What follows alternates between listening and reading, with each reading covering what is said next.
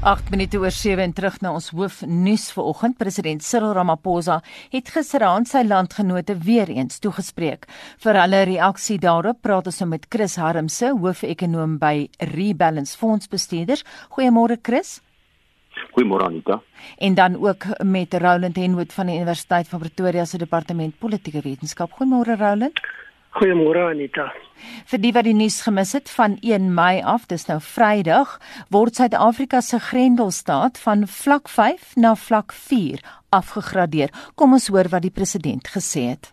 The sale of cigarettes will be permitted. It is important to note that several restrictions will remain in place regardless of the level of alert for as long as the risk of transmission is present. For instance, bars and shebeens will remain closed. Conference and convention centers, entertainment venues, cinemas, theaters and concerts, sporting events, and religious, cultural, and social gatherings will not be allowed until it is deemed safe for them to continue. Ons moes daai klankgreep begin met sigarette want ons het so baie klagtes daaroor gehad. Sigarette gaan nou verkoop word. Die president Roland het egter niks gesê oor drank nie. Dis 'n saak wat baie van ons landgenote baie besig hou op sosiale media. Hoekom dink jy was hy chipstil daaroor? Ek dink daar is twee redes. Die eerste een is om nie onnodige verwagtinge te skep nie. Wat belangrik is is om die konteks te verstaan. Hierdie is nie 'n proses nou waar ons in 'n lineêre manier die beperkende maatreëls gaan uitgefaseer sien nie. Maar ons gaan nie volgende week na vlak 4 en die week daarna vlak 3 en die week daarna vlak 2 nie. Dit gaan bepaal word deur wat met die virus gebeur. So dit kan wees dat jy oor 2 weke teruggaan na vlak 5 toe indien die virusverspreiding versnel en die gevolge negatief is. En ek dink dit is die rede is om on, om nie verwagtinge te skep waar nie voldoen kan word nie. Die tweede rede is dat drankverkope is nie nou binne die konteks van die beplanning nie. As 'n mens kyk na die dokumentasie wat beskikbaar is rondom die risiko bepaalde besluitnemingsproses, dan word drankverkope op 'n beperkte basis eers ingebring wanneer 'n mens vlak 3 van die um, beperkingsmaatreëls bereik. Alsore wanneer jy afgradeer na vlak 3, dan is dit iets wat in die in die um, prentjie inkom. Ek vra spesifiek daaroor want uh, Chris, ons kry vreeslik baie navrae daaroor. Ek het ver oggend nou weer 'n e-pos gehad van iemand wat wil weet hoekom is niks gesê oor drank nie. Maar kom ons gaan uh, terug na die kruks toe. Die Chris kruks van ty, sy toespraak is om deur middel van 'n risikobeheerde strategie, sy woorde, die afsonderingsmaatreëls geleidelik te verslap. Dit was algemeen te wagte Chris of hoe?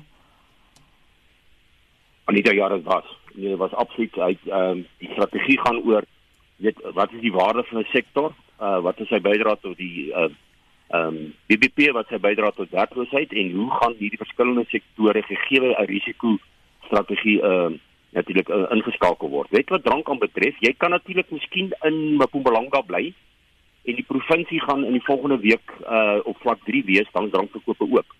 So hy kan nie algemene stelling maak oor drankverkope nie. Mm. Dit dit hang af van al hierdie risikofaktore. Watter provinsie bly jy? Watter vlak is jy? Uh en en en en en en en, en dit gaan bepaal watter van hierdie sektore gaan oopgemaak word uh en en dit is sy dit is sy risiko. So hy kon nie algemene stelling daaroor maak nie. Roland, uh, ek is nou bly Chris plaas dit nou op die tafel. Verskeie gebiede en selfs provinsies sal verskillende grendelbeperkings beleef op verskillende tye en weer eens is dit algemeen voorspel en dit volg die patroon van ander lande in Europa, maar met sy soos met sy vorige toespraak 2 dae gelede sal die besonderhede nou later deurgegee gegee word deur die betrokke ministers. Ek weet uh, Roland, jy was laas krities geweest oor die feit dat die president vir ons te min besonderhede gee. Voel jy nog so? Ek dink in hierdie konteks moet 'n mens versigtig wees. Ehm um, daar daar's twee weer vir my twee belangrike beginsels hier. In die eerste plek is op die stadium kyk ons op die nasionale vlak en alles word op 'n nasionale vlak hanteer. Met ander woorde Suid-Afrika as 'n eenheid. As ons vorentoe begin gaan, dan begin ons kyk na 'n baie meer buigsame benadering en dan kan jy begin kyk na onderskeid in terme van wat geld in provinsies, onderskeid binne provinsies, met ander woorde, hy het gepraat van selfs op 'n distriksvlak. Mm. En en ek dink daar moet 'n mens verstaan dat jy kan nie al daai detail in 'n toespraak gaan inpak wat vir al die mense bedoel is en wat as 'n as 'n inligtingsessie hanteer word en baie belangrik die president gisteraand het 'n gerusstellende toespraak gelewer. Hy het nie probeer om om al die goed te hanteer in een sessie nie.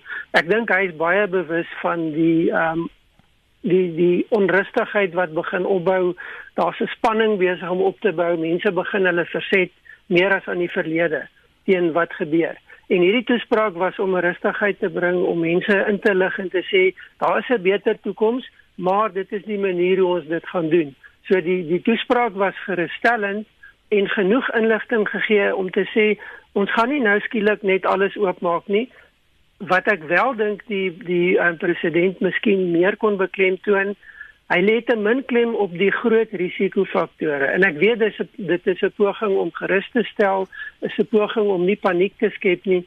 Maar as jy mens gaan kyk na wat die regering besig is om te doen in voorbereiding, dan is dit baie duidelik dat hierdie krisis 'n groot ernstige saak is en dat die slegte tye dalk nog voor lê. Dit lê nie nou hmm. agter ons nie. En ek dink dit is die tipe detail wat dalk op 'n verantwoordelike manier dalk 'n bietjie meer klem kan kry. Wat het jy daarvan gedink as 'n uh, ekonom, Chris? Ja, Anita, uh, dis net soos Roland daar sê, hy kon nie al die details gee nie, maar as jy na die dokumentasie gaan kyk, kan jy sien hy's baie werk gedoen. Uh, hierdie is nie net 'n ligrake besluit dat al, ons gaan nou drankverkope oopmaak nie. Hierdie is werklik weet, wetenskaplik gekyk. Hulle het gaan kyk ehm um, en hulle het ook uit dit ook beklemtoon oor wat is die ehm uh, die die ekonomiese waarde van die van die risiko uh, om oop te maak wat is die uh, gevaar van uh, transmissie en wat is die gevaar van ekonomiese stres. En dit is in drie faktore saamgegee en daaruit gaan bepaal word vir baie wetenskaplike metode watter van die sektore gaan oopgemaak word sodat ons aan die een kant die die die die risiko van die virus kan bestuur en samehang om die ekonomie stelselmatig oop te maak daar waar dit nodig is en ek dink om te keer dat die ding nie vinnig terugbeweeg nie dat ons nie 'n uh, 'n terugslaan van die virus het en ons moet teruggaan na ehm um, vlak 5 nie. Ek mm. dink dit wil hy vermy. En ek dink hy en ek dink hy het dit gesê dit gaan stelselmatig wees. Mense sal moet ehm um, ehm um, um, geduldig wees uh, en daar gaan gedurig gaan dan natuurlik natuurlik op ministeriële vlak en ek dink ook op sektorale vlak, soos die mynbou byvoorbeeld. Uh en en van die landbou ensovoorts gaan nou bydra gelewer word. Die sektore gaan die geleentheid kry, het hy gesê om 'n in, inset te lewer en dan gaan hulle besluit op verskillende risikofaktore hoe hulle hom gaan gaan oopstel. So ek is ek ek is baie tevrede. Ek dink dit is baie mooi vertel, baie mooi verduidelik en as mens na die dokumentasie gaan kyk, gaan jy sien dis baie werk gedoen. Baie wetenskaplik gekyk daarna. Kom ons voer daai punt verder Roland wat Chris net gemaak het. Hy sê die president het nie hierdie toespraak lukraak voorberei nie.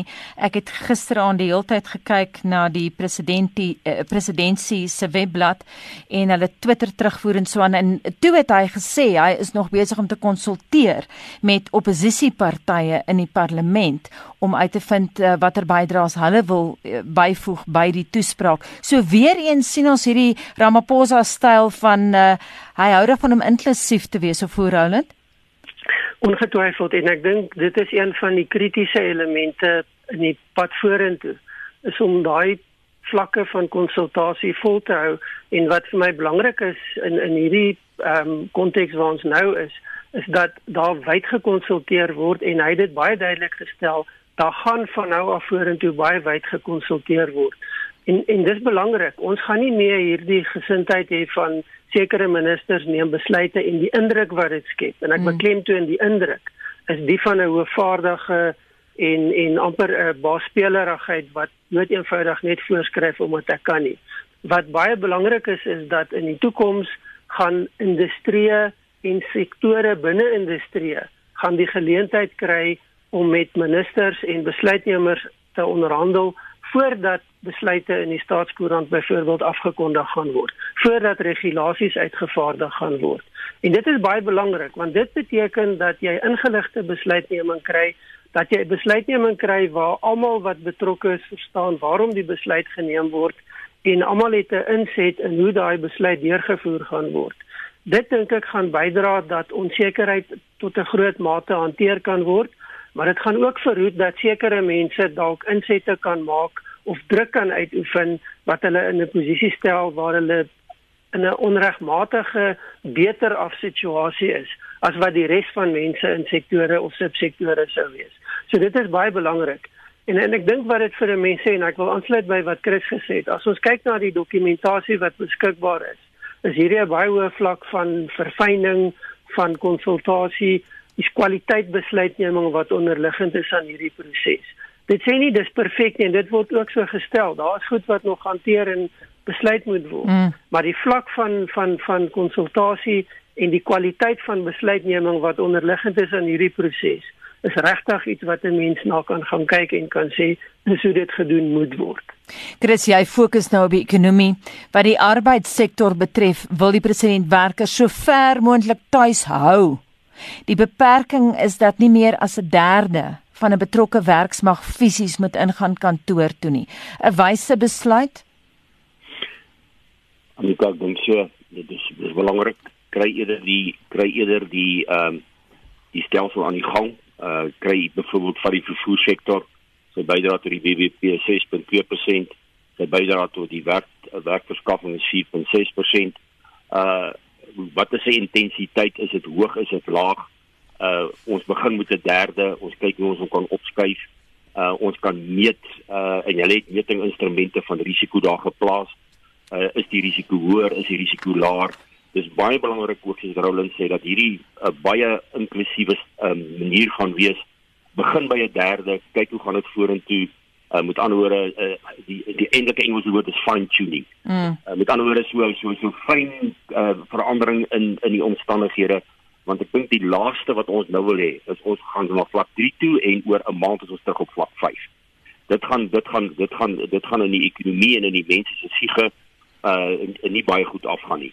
So ek dink begin by 'n derde, ons begin by daai vlak en ek dink daai derde is nie sommer net hy gewees nie. Ek dink weer eens daar's goeie inligting gekry van Statistiek Suid-Afrika oor die verskillende uh intensiteit van die mense wat in verskillende sektore werk. Begin daar en kyk hoe gaan dit vorentoe en meet dit. Byvoorbeeld die mynbou. Weet ons gaan met 50% kan begin. Ehm um, op op op op vlak 4. En en kyk hoe het dit dan 'n bydrae as ons vorentoe gaan uh laat dit die die kurwe um 'n steiler raak of laat die kurwe 'n platter bly en dan kan jy van daar af in 'n derde na na twee derdes na voluit gaan. Mm. So ek hou van hierdie infaserings uh proses wat hier gaan volg. Jy sê nou jy's uh mens moenie rondspring nie, jy weet jy gaan vlak 4 toe en dan skielik besef jy o, gits ons moet terug gaan vlak 5 toe. Die president ja. self Chris het dit gesê gisterand. Ja, hy het dit spesifiek genoem. Ons wil nie weer uh terug gaan na vlak 5 toe nie. Wat belangrik hier ook natuurlik is wat 'n mens moet moet aanvaar en en verwag dat verskillende van die gebiede en die streke en ek dink hy het vyf genoem gaan waarskynlik baie langer nog op 'n vlak 4 hmm. bly as as ander gebiede en dit behoort so te wees. Want hoekom sou hoekom sou iemand hoekom sou in die Noord-Kaap uh verskillende van die van die van die sektore wat daar baie armoede is uh en uh baie belangrik is dat daai sektore aan die aan die gang gehou word uh hoekom moet hulle gestraf word terwyl daar 'n baie lae vlak van besmetting en sterftes is. So jy kan hom daar vinniger oop oopstel uh en dat kan jy daar verhoed dat daar 'n groot vlak van armoede en lae ekonomiese aktiwiteit plaasvind in daardie gebiede. En so kan jy stelselmatig hom opbou. So hierdie is 'n baie baie meer risikobepaalde uh, aspek op provinsies en op natuurlik verskillende sektore. Chris gee gou weer daai syfer oor die vervoersektor se bydrae tot die ekonomie. Hoeveel persent? 6.2%. Hy skep 4.6 van die werkloosheid. Ek wil Ek wil net daarby bly vir 'n oomblik. Hy het nou gesê openbare vervoer gaan voort, minibus taksies is hier ter sprake. Ons het gister met Teens Elof ook daaroor gepraat, maar die probleem daar is sosiale distansering. Ons weet almal, daar word nie by die reëls gehou nie, Chris. En Anita, Anita dis belangrik. En dis waar dis waar 'n leierskap moet wees in in daardie verskillende sektore. Stel hom oop kyk of dit werk. As dit nie werk nie, dan moet jy kom ek kom ons sê net maar in aanhalingstekens as 'n strafmaatreël sê nee, goed, dan vat as jy dit terug na ander na 'n ander vlak toe of ons of ons stop dit. Ek dink dit moet geplaas word. Jy, jy sal moet die dissipline op die sektor sit om te kyk om te kyk daarna en daarom moet daar gekonsulteer word in te reg soos Roland sê. Met die verskillende sektore soos ons vorentoe gaan. Uh jy weet dat jy uh, kan kan kan kan beheer uitoefen daaroor. Vat byvoorbeeld die mynbou 6.9% tot die BBP 7% tot die die werk werkskeping, 'n baie hoë vlak, jy weet van van werk van van die bydrae tot die tot die werksmag. Dieselfde die ons gaan 50% van die myne opsit. Daar gaan daar gaan baie streng maatreëls wees van afstand uh hantering ensovoorts. Jy weet in 'n myn is dit ook net so moeilik. Mm. Uh en, en kyk hoe gaan dit vorentoe. Uh maar ek dink ek dink hierdie verskillende sektore sal dit nou op hulle self moet neem die die taxi vereniging van Suid-Afrika ensovoorts om om by hierdie reëls te bly. Op anderste uh, kan die minister of die president hom maar net weer terugvat tot op op 'n hoë vlak. Dis die voordeel wat hy nou met hierdie met hierdie nuwe benadering het. Mm -hmm. Ons praat vanoggend met Chris Harms se hoofekonoom by Rebalance Fondsbestuurders en met Roland Henwood van die Universiteit van Pretoria se departement politieke wetenskap. Roland, Ons grense bly gesluit en geen reis tussen provinsies sal toegelaat word nie tensy daar 'n begrafnis byvoorbeeld ter sprake is. Dis belangrik dat hy verwys het na begrafnisse. Hy was baie spesifiek begrafnisse deel van ons kultuur en hier was Ramaphosa se boodskap eenvoudig en ek hou van daai sin if you don't travel the virus does not travel. Hy het ook verwys Roland na die reuse verspreiding van corona na net een begrafnis op Port St Johns in die Oos-Kaap en 'n ander een in Mangaung. Soos ek verstaan bly die beperking wat begrafnisse betref op 50 mense of hoe? Ja, dit is die regulasie op die stadium alhoewel as 'n mens weer eens gaan kyk na die dokumentasie wat beskikbaar is, dan is dit iets wat in die toekoms weer na gekyk sal word en wat waarskynlik weer lopend na gekyk sal word. Ek dink daar's 'n belangrike onderliggende beginsel en dit sluit ook aan by se vorige punt. Die regering het 'n klomp goed gedoen, het 'n klomp drakoniese maatreëls gebruik om ons tot op 'n punt te bring. Deel van daai proses was om 'n verandering in gedrag te probeer bestuur in Suid-Afrika. En en 'n groot deel van dit is waarskynlik nou al tot 'n mate deel van mense se se normale doen. Ons hoop so. Goed soos hande was, ehm um, die afstand tussen mense. En wat onderliggend is aan die argument oor vervoer en en en reis is om die verspreiding van die virus te versprei want dit versprei baie vinnig en maklik en ek dink nie mense moet dit vergeet nie. Maar wat hier ook gebeur is dat ons is nou op 'n punt waar dit vir my lyk asof die regering se argument is ons moet nou meer verantwoordelikheid ook in die hande van die burgers van Suid-Afrika begin plaas. En wat dit vir ons sê is as jy binne die reëls en die goeie praktyke bly, dan gaan jy meer vryheid kry. As jy die reëls oortree in 'n bepaalde gebied, gaan die virus vinniger versprei en dan gaan ons daai gebied inperk. Met ander woorde, daar gaan 'n straf wees. Nou ek ek ek wil dit nie aanbied asof dit 'n manipulerende spel is nie. Maar maar dit is die beleidsproses en die implementeringsproses. Dat mense het nou 'n geleentheid om verantwoordelik op te tree, die nuwe gedragswyse te aanvaar en toe te pas. En indien dit suksesvol is, dan word daar 'n mate van openheid en normalisering ingebring. Indien dit nie gebeur nie, indien mense onwettig in gebiede inbeweeg en ons sien voortdurend pogings daarvan mm. en die virus versprei, dan gaan daar 'n negatiewe um, resultaat wees in die sin van ons gaan meer beperkende maatreëls toepas en van dit gaan weer drakonies wees. En en en dit is die verantwoordelikheid wat burgers nou moet opneem. Dit is nie iets wat net van regeringskant af kan kom nie. Roland so wortel en stok benadering dus wortel en stok maar 'n baie realistiese een en 'n baie praktiese een. Dis nie iets wat deur ver lê wat jy nie regtig beheer oor het as individu nie. Die die konteks natuurlik is dis nie net die individu nie, maar daar's 'n gemeenskapsdinamika en verantwoordelikheid. Wat doen my bure? Wat doen my buurgemeenskappe? Want dit is waar die die die spanning inkom in hierdie ding indien dit nie reg bestuur word nie. Restaurante, teaters, kroë, shebeens en kerke bly gesluit en enige sosiale byeenkomste word steeds verbied. Weereens Christ dit strook met wat internasionaal gebeur. Anita ja, want as jy gaan kyk na die dokumentasie, is daar 'n risiko indeks saamgestel wat so 7 8 risikofaktore het. En as jy gaan kyk hoe tel en restaurante en ensovoorts, hulle het die hoogste risiko van 18 terwyl iets soos byvoorbeeld die mynbou se risikofaktor is net 7. Hy begin al in die geel in beweeg. Dis hoekom hy kan nou al oop geplaas word.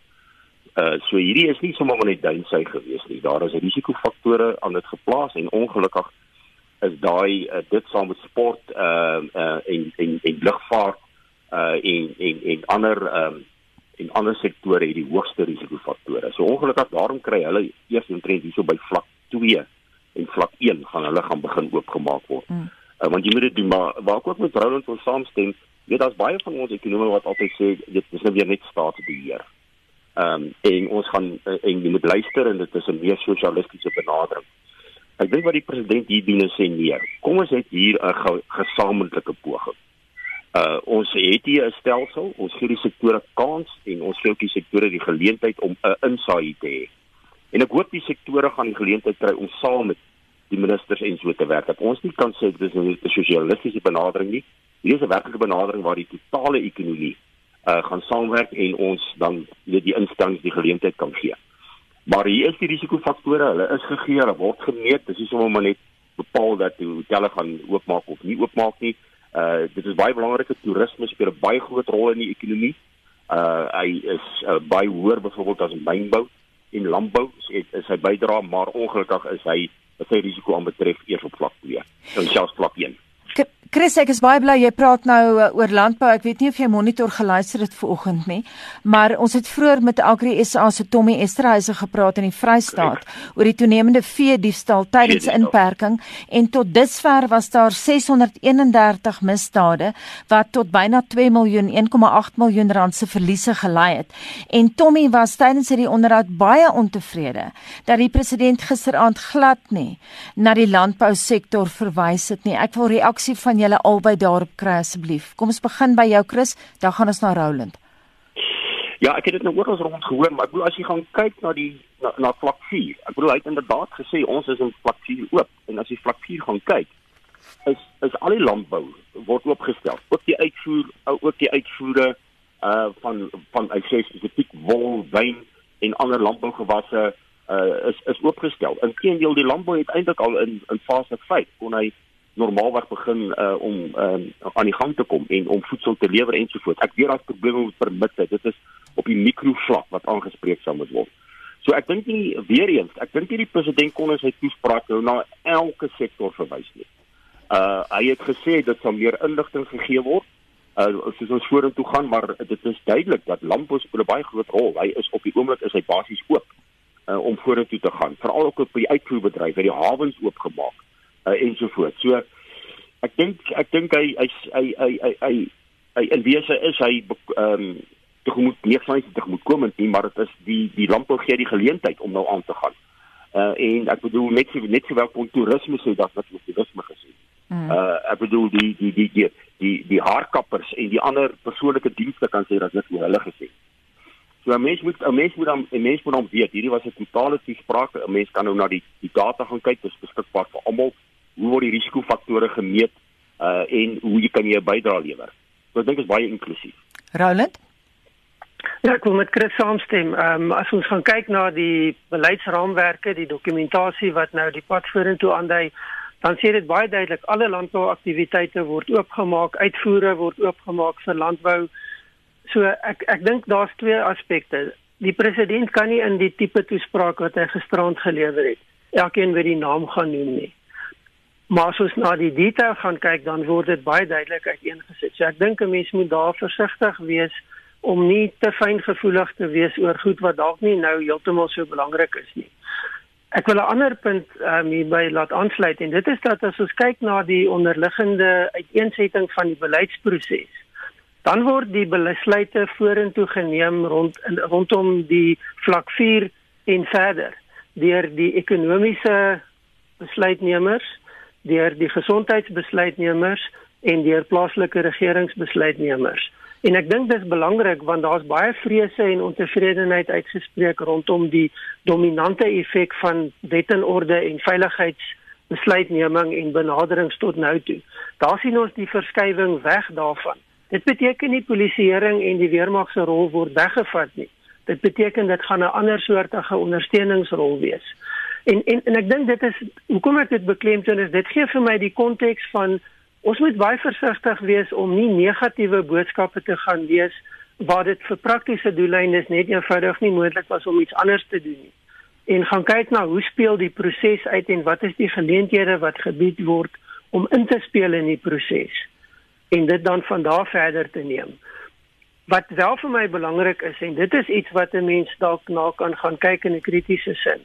Alhoewel jy die in die beleidsdokumentasie die veranderinge sien en die swaai sien in terme van klem en besluitnemingsproses, is dit iets wat dalk beter gekommunikeer behoort te word. Ehm um, daar spanning in die Vrystaat oor die rol wat die polisie gespeel het byvoorbeeld met landbou. Hmm. Nou ek dink nie dit moes gisterand noodwendig die hooftema in die in die toespraak wees nie, maar ek dink dit is iets wat moet aandag kry en dit is iets wat van owerheidskant af aangespreek moet word. Kommunikasie gaan al hoe belangriker word, gereelde kommunikasie en kwaliteit kommunikasie. En ek dink ons skiet nog te kort in daai opsig. En daarom die verwagting dat die president alles moet doen. Hmm. Die die die president kan nie, maar die president sal dalk moet bietjie aandag gee en sy hand hou oor hoe kommunikasie plaasvind buite sy kantoor, maar in lyn met die beleidsriglyne wat gegee word. Iets simpel soos byvoorbeeld jy het elke dag 4 uur 'n nuuskonferensie. Mm. En dit is wat jy kan verwag daarvan. Daar's 'n manier om die probleme te hanteer wat op spesifieke plekke gebeur wat gekommunikeer moet word. En Vrystaat is nie 'n klein nuus niksegende plekkie nie. As die hele Vrystaat 'n bepaalde probleem het, dan is daar 'n probleem met besluitneming en uitvoering. Dit moet aangespreek en gekommunikeer word. Dit help nie dit word agter die skerms gedoen nie, want dit is nie die tipe regstelling wat mense sien en verwag nie. Hmm. En dit word al hoe belangriker in hierdie proses. Ek is bly jy sê dit want ons as die media het nie eers geweet gisteraand hoe laat hy uiteindelik gaan praat nie. Ja, dit is een van die leemtes, ehm um, daai punt van ehm um, hoe laat is ons afspraak wanneer daar 'n tyd is en dan gebeur dit net nie. En ek dink mense moet daai rotine graag inbou in hierdie stelsel. Ek sou baie graag sien dat dit gedoen word. Waar jy vaste stelsels het en maniere van doen, dit gee rustigheid, dit gee voorspelbaarheid en dit is wat ons nou baie nodig het in Suid-Afrika beide in die maatskaplike omgewing en in die ekonomiese omgewing. Gepraat van die ekonomiese omgewing, kom ons kyk na die begroting Chris. 20 miljard uh, miljard rand aan die gesondheidssektor soos vroeër die week ook aangekondig. Die president het toetsing op 'n groter skaal het gesê, toetsing op 'n groter skaal gaan nou die fokus van die gesondheidssektor wees. Ons het herhaaldelik al op monitor gesê die feit dat die Duitsers so effektief is in terme van hulle beheer van COVID-19 is die feit dat hulle so baie mense toets. Hulle praat van 500 000 mense per week. Maar ek wil by jou weet, wat dink jy van daai bedrag, 20 miljard? En dit is ehm dit is 'n redelike bedrag. Ehm um, en as dit werk en dit moet opgeskryf word, dan sal dit gedoen moet word. En daarom is die kommunikasie so belangrik van hierdie ekonomiese aangeleenthede. Byvoorbeeld, dis nou klaar gesê dat die finansiële die minister van finansies Kutumbo en die gaan môre middag 3 gaan hy 'n webcast hou oor die die, die nuwe ekonomiese fiskale uh, uitkyk. So ek hoop ons kan meer detail daaroor kry oor hoe hierdie pakkette gaan werk. 20 miljard is is dis dis 'n redelike bedrag. Uh, uh dis 'n groot bedrag as jy byvoorbeeld vat uh die studente om al die studente gratis te laat studeer. Uh het uh het het het, het uh, 26 miljard rand gekos. So 20 miljard rand kan 'n mens ver kom. Ek glo dit is genoeg. Ek hoop dit is genoeg. Ek hoop dit word direk dit word bestuur dat daai 20 miljard reg aangewend word uh, waar dit moet aangewend word. Uh, ons hoop ons kan meer detail by die minister môre middag kry. Sy sogenaamde kom ons noem dit nou maar sy uh, sy kor 19 uh, begroting, die aangepaste begroting môre middag. En dis waarvoor ek hou. Met ander woorde ons nou gisteraan die toespraak gehad. Dit is waar ons staan en nou kom die minister van finansies môre en sê goed, wat hoe hoe lyk hoe Suid-Afrika se ekonomie en fiskale uit uh, uh, uitkyk vir soos vorentoe gaan want al hierdie goed die oopstel ensovoorts gaan 'n effek op die ekonomie hê wat stelselmatig bestuur moet word. As 20 miljard nie genoeg is nie, dan gaan ons op 'n ander plek die geld moet gaan soek. Uh, hierdie is baie krities. Roland uh, net laastens jy is nou ontleder wat fokus op styl en nie net inhoud van 'n toespraak nie. Wat het jy gedink van Ramaphosa se ietwat teatrale gebaar toe hy nadat hy gepraat het sy eie masker op sy gesig gesit het? Ek dink dis 'n belangrike ehm um, voorbeeld dat ons maskers gaan dra. Dit was nog nie iets wat tot deel van tot nou toe deel van die vereistes was in die algemeen nie. Ehm um, weer eens, dis dit gaan oor gedragsverandering en goeie praktyk. So is 'n voorbeeld, die president doen dit ook. Ehm um, tot nou toe het ons gesien dat van die ministers baie slegte voorbeelde was in terme van hoe die regulasies en die gedragsmaatreëls toegepas moet word. Die president stel die voorbeeld. Dit was nou nie heeltemal so vlot en vinnig dink ek as wat hy dit graag sou wou sien nie, maar ek dink dis dalk deel van die realiteit van die dis menslik, dis normaal en ons moet gewoond raak hieraan en hoe om dit te doen. So ek dink nie dit was sommer net iets wat ligsinnig aangebied is nie. Ek dink dit was 'n eerlike poging om te sê ons moet gewoond raak aan die nuwe manier van doen en ek stel die voorbeeld daarvan. Baie dankie en daai mening kom van Roland Henwood van die Universiteit van Pretoria se departement politieke wetenskap en ons het ook gepraat ver oggend met Chris Harmse, hoof-ekonoom by Rebalance Fonds bestuurders.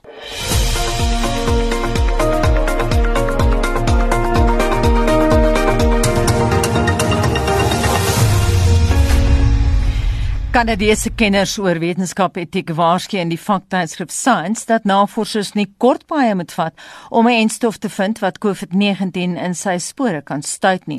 Ons praat nou met ons wetenskapskorrespondent George Klasen hieroor. Goeiemôre. Goeiemôre Anita. Skets vir ons die agtergrond wat tot hierdie waarskuwing gelei het. Wel as jy wat vals nuus oor behandelings wat kon sy sou help teen die virus. Uh sosiale media en selfs die hoofstroom media weemal met voorbeelde. Uh president Trump wat hidroksiklorokin uh uh aanbeveel uh, studie in die Amerikaanse veterane hospitale het geen voordele hiervan voorgevind nie wat in hierdie week bekend gemaak is. Gister het ek twee e-posse gekry van mense wat vir my wys op 'n uh berig in die Daily Mail in Brittanje oor 'n bitterklein Franse studie wat sonder 'n kontrolegroep plaasgevind het dat nikotienplakkers wat rokers gebruik jou beter bewapen teen die virus. So daar's baie van hierdie vals nuus wat glad nie op wetenskaplike gronde gebaseer is nie. En dit is hoekom hierdie uh wetenskaplike etiese nou waarsku dat jy kan nie enige een van hierdie studies vertrou nie. Hmm. Nou in die wetenskap speel genoeg bewyse om enige aanspraak te glo 'n baie belangrike rol. Watter rooi vlak kom daar vir jou voor wat die proses om 'n enstof vir COVID-19 te kry kan vertraag? Wel, in eerste plek uh daar's uh, binne in die wetenskaplike wêreld uh wys hulle baie duidelik op rooi vlak wat jy dadelik kan sê wag 'n bietjie hierdie uh het het hierdie navorsing in die volgende voldoen. Byvoorbeeld is dit voorlopige resultate. Was daar 'n kontrolegroep? Uh dis baie belangrik dat daar 'n kontrolegroep is dat 'n uh, een groep uh, uh die reël uh, uh die regte kit McCoy kry en die ander groep kry dit nie. Uh die die die placebo. Uh was daar 'n ewekanse gesteekproef? Uh hoeveel waarnemings is gedoen? Is dit 'n nie verteenwoordigende grootte van die groep? Hoe, hoe groot is die groep? Is hy te klein? Hierdie nikotiengroep byvoorbeeld en die en die studie wat uh president Trump in Frankryk na verwys het, is heeltemal te klein geweest. Uh en heelwat mense wat byvoorbeeld nie eintlik in 'n studie bly nie. Uh hoekom trek onttrek hulle uit die idee nadat hulle aangebied het om proefkonyne te wees. Hmm. En dan 'n baie belangrike ding is dit 'n dubbelblinde studie. George, uh, is daar tekort aan opvolgstudies, al daardie soort van goed. George, watter aanbevelings maak die Kanadese nou om die navorsing oor COVID-19 op 'n gesonde grondslag te plaas? Wel, hulle maak drie aanbevelings. Hulle beveel meervoudige behandelings aan wat gelyktydig en gesamentlik toegepas word. Hulle noem dit meesterprotokolle wat meervoudige behandelings toelaat om binne 'n eenvormige statistiese raamwerk getoets te word. En dan praat hulle tweedens van individuele kliniese wetenskaplikes behoort nie klein studies aan te pak waarin daar geen kontrolegroepe voorkom nie. Wat ons nou baie sien gebeur. Hulle behoort liewer deel te wees van groter, goed beplande studies wat juis alle vereistes van betroubare wetenskaplike navorsing nakom. En dan die laaste punt wat hulle maak, regulatoriese instellings soos die Medical Control Council, die die, die FDA in Amerika en openbare gesondheidsowerhede behoort 'n belangrike rol te vervul om te verseker dat studies wat aangepak word voldoen aan die hoogstaande standaarde wat in betroubare wetenskaplike navorsing vereis word. Hulle moet ook leiding neem in hoe die studies aangepak word en wie daarbey betrokke is. Nie so, sommer enige Jan Rapp en sy maat moet skielik kom met 'n studie sonder dat daar kontrolegroepe is en dat al die protokolle nagekom is nie. Baie dankie en daai waarskuwing kom van ons wetenskapskorrespondent George Klassen. Dis nou 7:43. Welkom by Monitor. Wêreldwyd is daar nou reeds sowat 2,7 miljoen bevestigde gevalle van die COVID-19 virus terwyl minstens 191 000 mense uh, reeds aan die virus gesterf het. Duitsland begin vandag met die toets van 'n enstof in mense. Marlenae Forsie hou vir ons vanoggend die internasionale nuusfront dop. Marlenae Renay, wat is die jongste? Anita, 'n groep van 200 gesonde mense gaan voorlopig in die land getoets word en die president van die land se enstofreguleerder, professor Klaus Chikuchik. Ich rechne damit, dass wir I am counting on the fact that after these clinical trials of phase 1.2, we can start thinking about a larger scope of clinical trialing over the course of the next year, where we can maybe test on thousands or tens of thousands of test subjects. And if the data looks good, the vaccine has to be compatible and effective, then we can start thinking about licensing it in the next year. En dit was professor Klaus Chikuchek, die president van Duitsland se enstofreguleerder. Die land is die 4de om te begin met toetse. Soortgelyke toetse is gister begin aan die Oxford Universiteit in Engeland en in Amerika word daar nog gewag op die nodige goedkeuring voordat toetse begin kan word. Wetenskaplikes waarsku dat dit sowat 18 maande kan neem om 'n enstof te ontwikkel en beskikbaar te stel, maar 'n immunoloog uit Switserland meen hy kan dit regkry voor die einde van die jaar. Dr Martin Beckman werk ook aan 'n enstof in samewerking met China en Letland. Hy wil dit reeds volgende week begin toets op homself. Dan die Britse premier Boris Johnson word gekritiseer vir sy bestuur van COVID-19 en hy self natuurlik besig om te herstel van die COVID-19 virus nadat hy uit die hospitaal uit St Thomas in Londen gekom het. Hy het by die dood omgedraai. Mm, maar die regeringslenings in die land vandag is die hoogste sedert die Tweede Wêreldoorlog. Kritiek teen Johnson is dat sy regering te lank gewag het om die verspreiding van die virus drasties in te perk. Skuldvlakke is bo 2,5 triljoen Amerikaanse dollar. Dis in die omgewing van 46 triljoen rand, 'n reuse bedrag. Die openbare sektor se bruto lenings gaan na verwagting tot 14% van die bruto binnelandse produk bereik. Washington het intussen 'n reuse COVID-19 hulpfonds goedgekeur. 'n Bedrag van 484 miljard dollar gaan beskikbaar gestel word aan klein sake ondernemings en hospitale. En dit bring die land se algehele finansiële bydrae tot die krisis tot 3 triljoen Amerikaanse dollar. Dis so wat 57 triljoen rand. Nou die bedrag is goedgekeur deur die, die Republikeinse Senaat.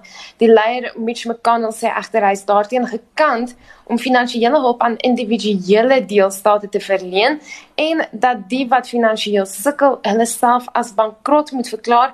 Die stelling het natuurlik ewige kritiek uitgelok. En laasens die koms van Ramadan en hoe dit onder inperkingsmaatreëls gevier mag word, dreig intussen intussen om verdeeldheid te veroorsaak.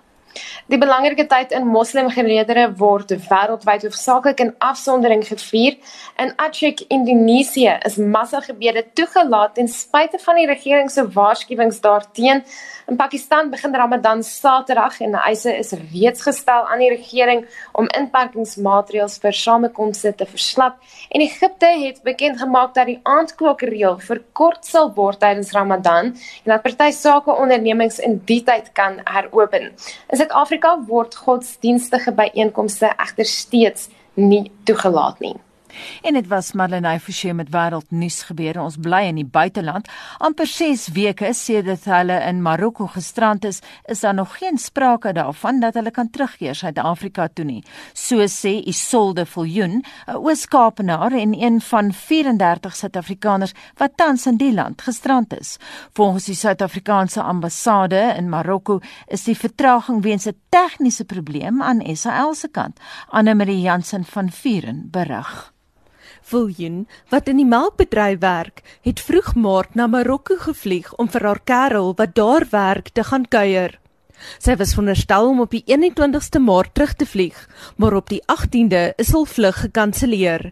Sy het Rabat gekontak, maar niemand het die telefoon geantwoord nie. Nadat sy etlike dae daarna steeds nie by die ambassade kon deurkom nie, het sy op monitor gehoor van 'n WhatsApp groep waaraan baie gestrande Suid-Afrikaners behoort.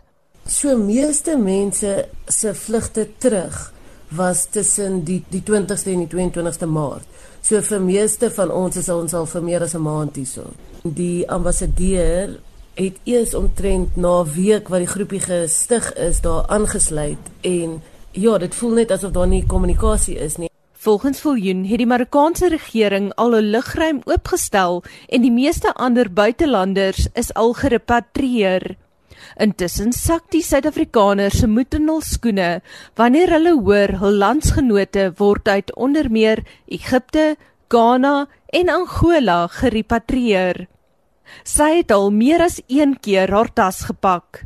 Gister het ons die nuus gekry dat hom 'n SA vlug van Frankfurt af in Marokko sal stop om ons te kry. Marokko se regering het gesê die vliegtuig kan land en hulle het letterlik op die groep gesê dit lyk so goed dat ons moet so lank begin permitte organiseer om by die lughawe uit te kom want jy kan nie van 'n een stad na 'n ander stad ry sonder 'n permit in Marokko nie en 2 ure daarna nadat ons al klaar permitte probeer kry het kom dan net 'n boodskap van die ambassadeur deur wat sê dit het deur die mat geval.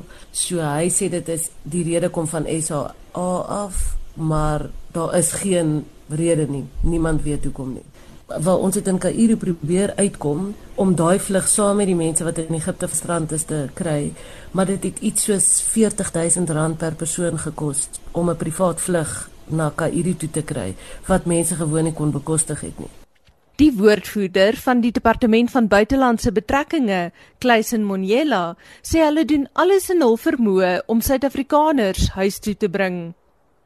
continue to prioritize the elderly, the people that are not well, the people that were stuck at airports, as well as students. This is not a simple process. It's quite delicate. It requires negotiations because many countries in the world have also introduced lockdown. In the countries where we have not been successful to bring people back home yet, is because there are negotiations that are currently underway. You will appreciate that the regulations also have the limitations in terms of what can be allowed and what can't be allowed. It's chartered flights that are being allowed.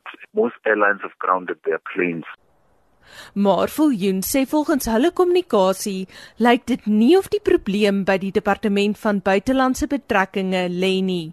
Daar's baie kontak van Durko af en van die DA, maar op die ouend gee niemand hulle kom met hoop en dan is dit net weer dan val iets net weer deur die mat. En daar word woorde gebruik soos tegniese probleme en almal vra die hele tyd maar wat beteken die tegniese probleme en ons kry nooit 'n antwoord daarop nie. So ek weet Dirk is baie betrokke, daar was net nog geen sukses nie. Meer as 150 Suid-Afrikaners is in Bali gestrand. Twee van hierdie Suid-Afrikaners Brandy en Tammy Regnard was op Witbrood op die eiland.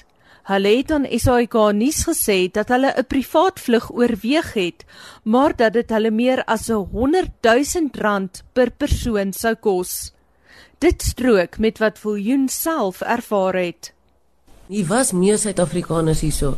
Aan die heel begin, toe was daar 'n gesin wat 'n privaat vlug betaal het en hulle het toestemming gekry om hier te land en weer uit te vlieg en hulle het ook twee van die oudste mense wat nie deel was van hulle nie, maar wat deel was van die Suid-Afrikaners wat gestrand was hierso. Hulle het hulle huis toe gevat. En toe kyk die res van ons natuurlik ook in 'n privaat vlug in, maar dit was iets belaglik soos 200 000 rand per persoon om daai vlug te laat werk. En dit is natuurlik vir meeste mense totaal buite die kwessie en hoe meer mense uitval hoe duurder word dit vir die res. So dit was eintlik nie 'n finansiële opsie nie Sy tel haarself as gelukkig omdat sy gesond is want onder die groep Suid-Afrikaners is daar senior burgers en diabetes wat weens die taalgrens sukkel om toegang tot medisyne te kry. Aan die begin was almal baie positief, almal voel 'n uh, eh, kameraderie want almal is in dieselfde situasie, maar ons redelike ouerige mense met kroniese siektes en hulle is op kroniese medikasie wat begin 'n tekort kry en dis moeilik met die taal. Hulle praat glad nie Engels hierso nie, so dis of Arabies of Frans. So dis moeilik om te kommunikeer wat jy benodig. Daar's 'n vrou hierso wat 2 maande swanger is Daar's mense wat dit glad nie meer kan bekostig nie. Ek en my vriend bly gelukkig by my kerel waar ons nie 'n hoef te betaal nie wat 'n baie baie groot voordeel is. Maar hier's mense wat Airbnb huise huur.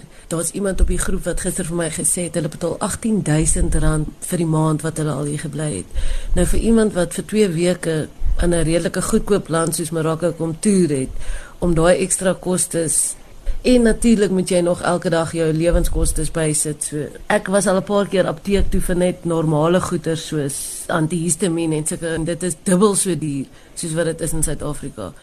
Viljoen sê hulle voel magteloos en smeek enigiemand wat kan om in te gryp.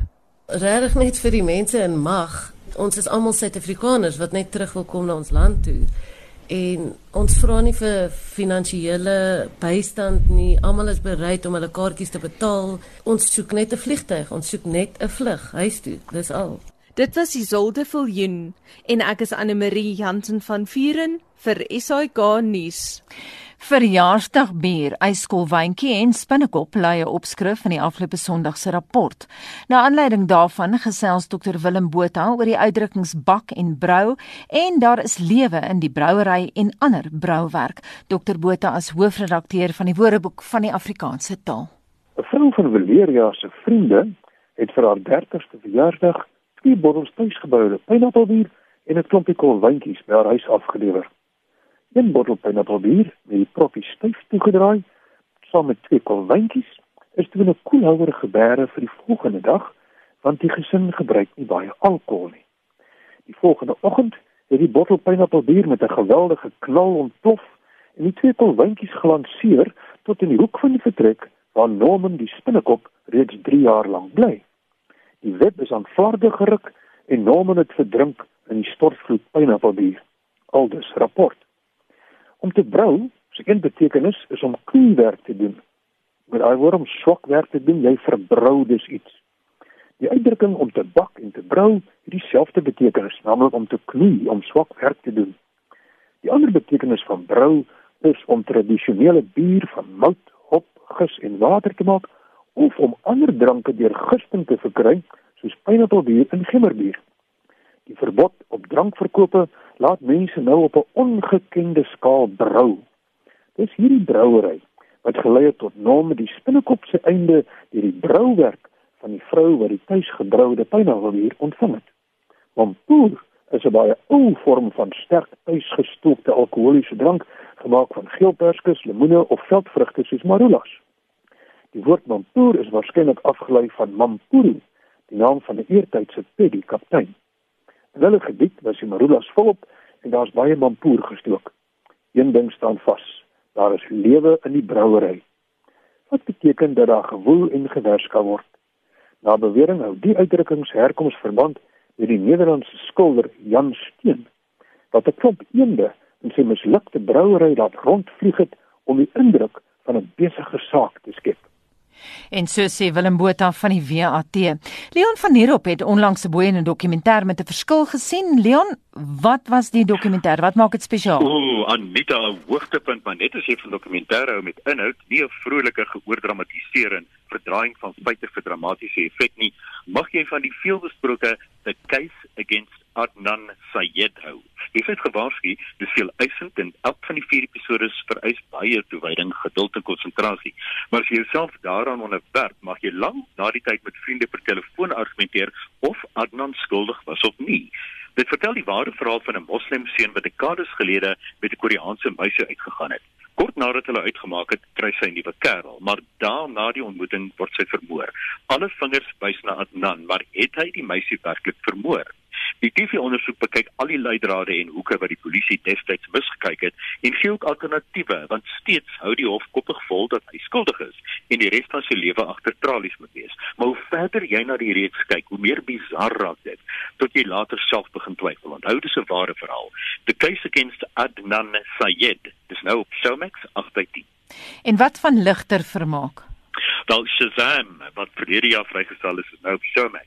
Dis 'n goed geoliede, goedvoel film wat darm sorg dat 1 uur en 45 minute moeiteloos verbygaan. Kinders moet net soveel daarvan hou as ouers, want dit gaan oor iets wat hulle dalk na in die hart lê. Om eendag 'n superheld te wees wat die wêreld se probleme kan oplos in jou drome, ja, ouetjie.